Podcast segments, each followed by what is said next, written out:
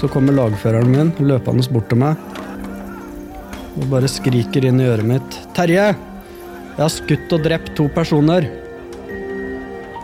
Ja, det er mottatt, sier jeg. Våre historier, en podkastserie fra Forsvaret.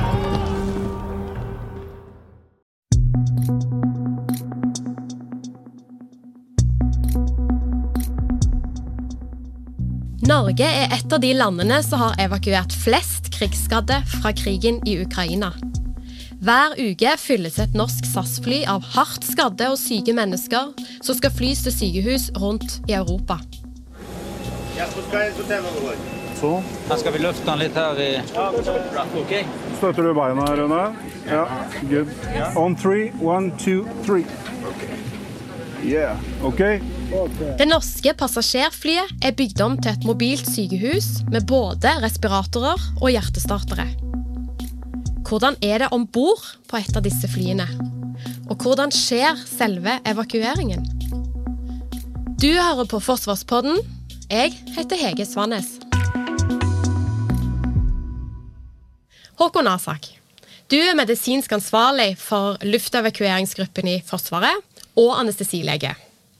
Og først av alt, hvem er det dere evakuerer, og fra hvor? Ja, Vi evakuerer eh, egentlig litt forskjellig, både sivile og militære pasienter. Eh, barn, voksne. Eh, I stor grad så er dette krigsskadde, det har det vært i mange måneder nå. Eh, men det er også litt andre medisinske tilstander, som f.eks. alvorlige kreftdiagnoser, som, som eh, man tenker at vestlige land også kan bidra med å, å avlaste det ukrainske helsevesenet med. Du sa eh, at de var alvorlig krigsskadde, de dere hentet. Eh, hvor nærme kommer dere på der det er krigshandlinger? Ja, Vi henter disse pasientene ganske langt øst i Polen, så vi er ganske nære grensen. Eh, Så man kjenner det ganske godt på kroppen, og man merker at man er nærme et krigsområde. Hvordan kommer de seg til flyplassen, da? Eh, Den store delen av evakuering internt i Ukraina foregår bl.a. med tog. Altså Over halvparten av pasientene i selve Ukraina er transportert med tog, og til dels langs vei, selvfølgelig. Og så transporteres de i kolonner ut av Ukraina samme dag som vi kommer og henter de, så det er nøye koordinert. Hvilket fly er det dere bruker for å evakuere pasientene?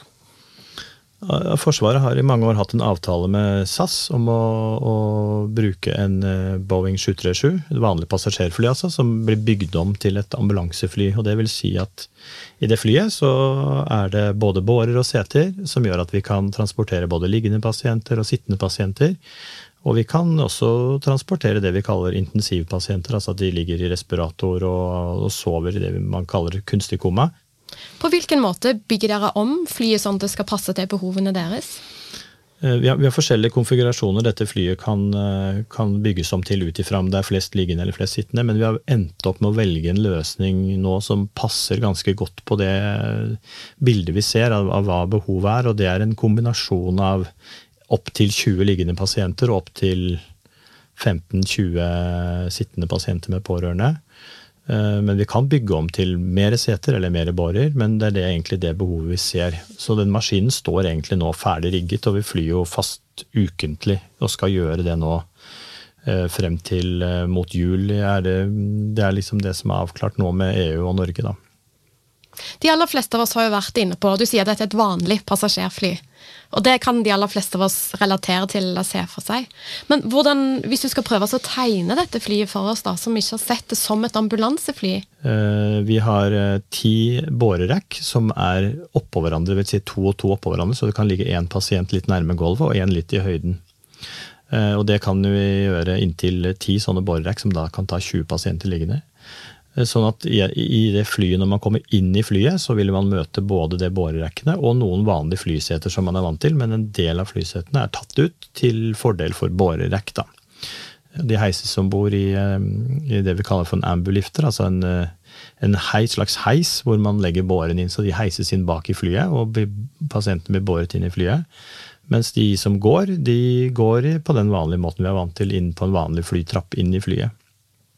Eh, og så er det klart at når man da får fylt opp flyet, så er det jo en spesiell stemning om bord med tanke på det er i hvert fall ingen tvil om at disse menneskene vi henter, har vært gjennom veldig mye. Det kan man se på øynene deres. Og man kan se det på, på hvordan skader de har, og du kan se det på blikk og lukt og syn. Altså man kjenner at det er eh, Man får det ganske tett på sansene sine, faktisk. Hvis du skal beskrive den stemningen for oss Nei, det er veldig sterkt å, å, kjenne så tydelig på og se en takknemlighet og hvordan de på en måte litt sånn skuldrene senkes litt forsiktig når de liksom skjønner at nå skal vi faktisk ut av, ut av en krigssone. Stemningen er eh, Den er ganske rolig og hva skal jeg si, eh, Man er preget av situasjonen, men den er ikke noe hektisk. eller Det er ikke, noe, det er ikke mye gråt nødvendigvis, og sånn, men, men eh, mer sånn preget litt av stundens alvor, samtidig som det er en, en stor del av lettelse i det vi ser. Og, og, når man snakker med de, eh, så forteller de jo ganske, ganske greit hva de, hva de, har vært igjennom, hva de tenker om det. Og, Og de uttrykker jo en lettelse og en takknemlighet. Og ukrainerne er jo, slik vi opplever de, veldig ærekjære og vil jo egentlig tilbake i eget land så fort som mulig. De er veldig tydelige på at de egentlig på en måte ikke vil dra, men, men de skjønner også at for at de skal få en ok behandling, en bra behandling, så, så er dette noe som må til. Og så ønsker de seg tilbake igjen så fort som mulig. Hva betyr det for deg å være med på et sånt oppdrag som dette? Nei, Det er et veldig eh, givende oppdrag, selvfølgelig. Å, kunne hjelpe Det blir jo veldig direkte, det man gjør. Man, man, helt konkret går inn og gjør en forskjell for noen. Sammen med mange andre. Vi er jo veldig mange som har et nært samarbeid om dette her. Dette er ikke noe one man show. Eh, men jeg syns det er veldig givende. Eh, selv om det er mye jobb og mye koordinering, så er det veldig lett å motivere seg til det. Det gir meg mye mer energi enn det tar energi, på en måte. Er det noe som har gjort særlig inntrykk på deg? Ja, hver eneste flygning gjør et sterkt inntrykk. Men det er klart at å flytte spesielt uh, unge mennesker som har blitt utsatt for alvorlige krigshandlinger, det gjør store inntrykk. Og for eksempel uh, ja, unge mennesker som har blitt skutt i nakken og blitt lam fra, liv, fra halsen og ned, f.eks. Som, som har eh, vært vanlige studenter, sånn som vi gjør i Norge, og har valgt å gå i krigen og forsvare sitt eget land, eh, som blir utsatt for sånne handlinger og blir egentlig kvesta for livet, men allikevel klarer å uttrykke en takknemlighet og en, et, et, naturlig smil, på en måte. Det, det, det kjenner jeg at det, det gjør noe med meg, selvfølgelig. F.eks. en annen ung jente som hadde mistet begge foreldrene sine i en alvorlig brann etter et bombenedslag, hvor hun også var veldig brannskadd, men hadde overlevd, som vi flyttet sammen med bestemoren eh, sin. Eh, og bare måten de forklarer dette på, og uttrykker eh, håp og, og mm, takknemlighet, det er jo klart at det setter store Det gjør stort inntrykk. Gjør det. Får den skadde ha med egne pårørende på samme flytur? Ja, stort sett så har vi plass til å ta med pårørende der det er ønsket. Og spesielt hvis det er eh, mindreårige barn, så er det jo helt obligat å gjøre det. Men de pasientene som velger å ha med f.eks. en eh, ektefelle eller en, en, et, en, sønn eller en datter, eller foreldre for den saks skyld, så, så, legger vi til rette for det. Og stort sett har det gått greit at vi har kapasitet til det. Men det er klart at i ytterste konsekvens, hvis man må prioritere beinhardt, så, så vil man måtte prioritere pasienter men det er klart at for spesielt enslige og mindreårige så vil man jo strekke seg ekstremt langt for å ha med pårørende. Eh, dette er jo et samarbeidsprosjekt, eh, og dere samarbeider jo bl.a. med eh, SAS. Ikke bare i form av at dere bruker et SAS-fly, men også at dere samarbeider med personalet. Kan du si litt om, om det? Ja, Dette har vært et samarbeid med Forsvaret og SAS i mange mange år, hvor vi har jo årlige øvelser og, og fått trent mye. Nå har vi jo flydd omtrent 30 flighter sammen siden i sommer, så vi blir jo godt kjent. Og SAS har dedikert personell både av flygere og kabinpersonale som er eh, sagt seg villig til å stå i en slags beredskap på å være med på sånne type flygninger, som selvfølgelig skiller seg i ganske stor grad ut av en vanlig flight f.eks. til Gran Canaria eller tilsvarende. Hvordan er de blitt forberedt på at det til dels kan være ganske sterke inntrykk, så, så møter de på en sånn tur? SAS har, har et internkurs hvor de, hvor de går litt igjennom eh, det, det personellet bør være obs på. Og så har vi også en, eh, en, finger med i spillet dette at vi snakker jo ofte med de på forhånd om hva vi skal hente den dagen. Så vi prøver eh, så godt vi kan å forberede de godt, og vi debrifer jo etter hvert oppdrag også, og veldig tydelig på at dette vi driver med her, er ikke noen normaltilstand. Selv for garva klinikere som har jobbet i 20 år, så, så gjør dette stort inntrykk. Og det er litt viktig for oss å si til at når de kommer hjem etter arbeidsdagen f.eks., så, så er det ikke unormalt at man kanskje er litt tom og kjenner litt på det ekstra, fordi dette er jo sterkt. Og det hadde nesten vært skummelt hvis man ikke hadde kjent på det. Sånn at vi prøver liksom å gjøre det mer humant. At vi liksom, dette snakker vi om, og det er lov å sette ord på det. er kanskje en fordel å faktisk snakke litt om det. På et sånt type oppdrag eller en sånn tur, tur som dette, eh, må pilotene eh, som flyr det flyet, ta noen spesielle hensyn i forhold til at dette er en syketransport? Ja, det hender at vi, vi trenger f.eks. å fly det vi kaller for sea-level. Det vil si at vi har så normalt trykk i kabinen som mulig. Det kan gå på forskjellige medisinske tilstander som kan kreve det. Men det er klart at noe sånn som turbulens, hvor bratt man flyr inn og ut fra en flyplass f.eks., eller hvor Eh, hvor langt vi skal fly. Alle sånne ting er, er, nøye koordinert, sånn at vi har et tett samarbeid. Og skjer det noe underveis mens vi flyr, så har vi jo en veldig god dialog med de selvfølgelig, hvis det er noe de kan bistå med. Og så er det sånn at når man flyr eh, medisinsk evakuering som vi gjør, så får man prioritet i, i, i lufta. sånn at når de, vi skal lande et sted, eller vi skal ta, så får vi ofte prioritet ut ifra andre fly. Så vi skal ikke vente mer enn strengt tatt nødvendig. Og det fungerer veldig bra.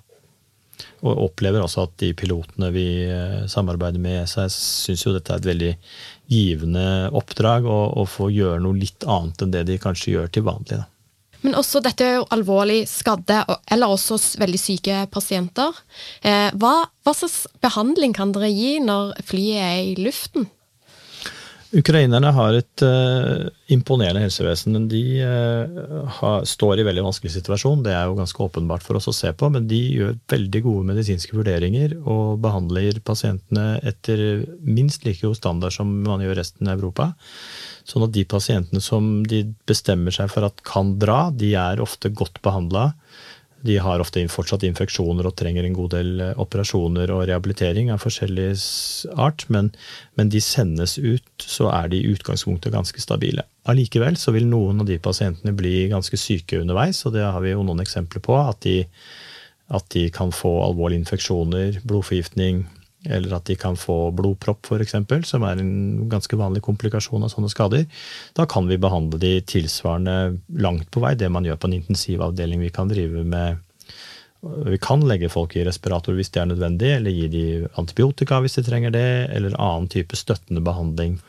Men, men, de fleste pasientene de krever omsorg og pleie og blir møtt med respekt og et vennlig smil, mens noen av pasientene er jo er på en måte i en fase som er veldig risikofull. Og det har skjedd at pasienter som har kommet i hvert fall til andre land i Europa, ikke har klart å komme hjem gjennom sykdomsforløpet sitt i live selv om de er transportert ut. sånn at det vil si at de har vært gjennom store påkjenninger og, er, og har en, et, et, skadepanorama som på en måte Faren er ikke over før det har gått veldig mange uker og måneder, faktisk.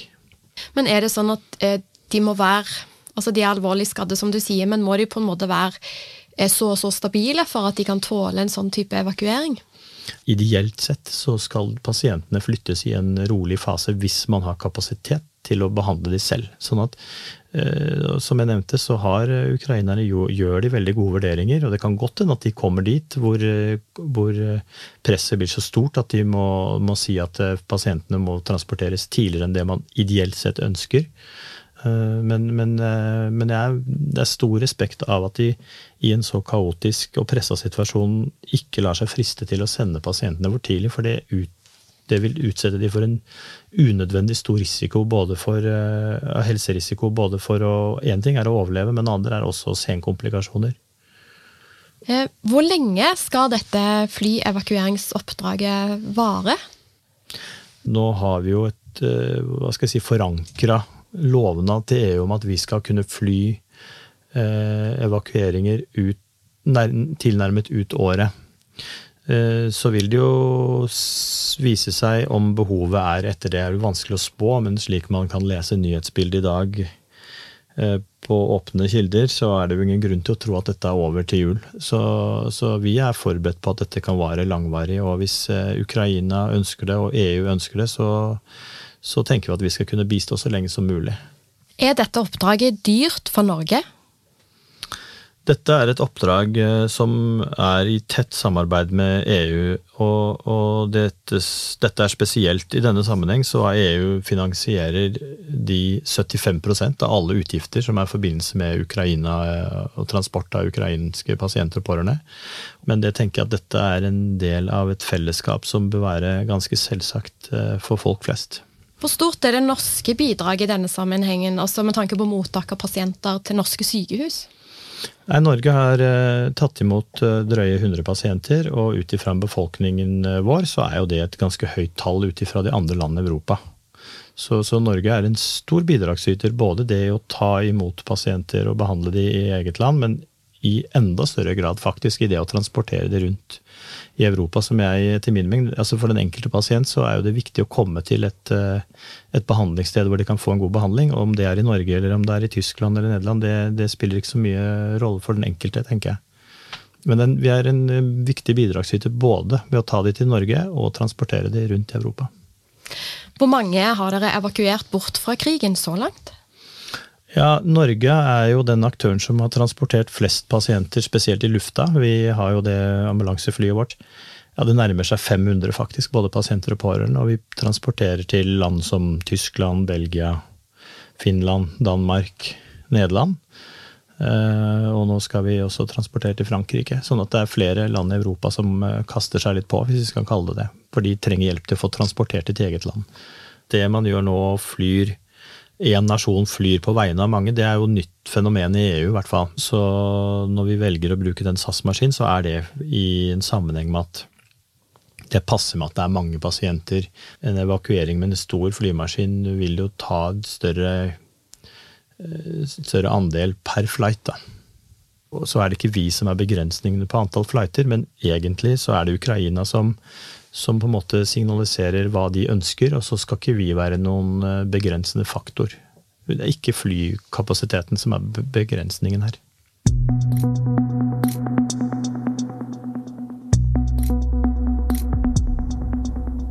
Du har hørt på Forsvarspodden. Hvis du liker podkasten vår, må du gjerne anbefale den til venner og kjente. Og hvis du abonnerer på Forsvarspodden, kommer det en ny episode hver fredag rett på mobilen din. Som har laga denne episoden, er Lars Hallingstorp, Kristine Hellesland, Fredrik Tandberg, Thomas Haraldsen, Jørgen Lyngvær og meg, Hege Svanes.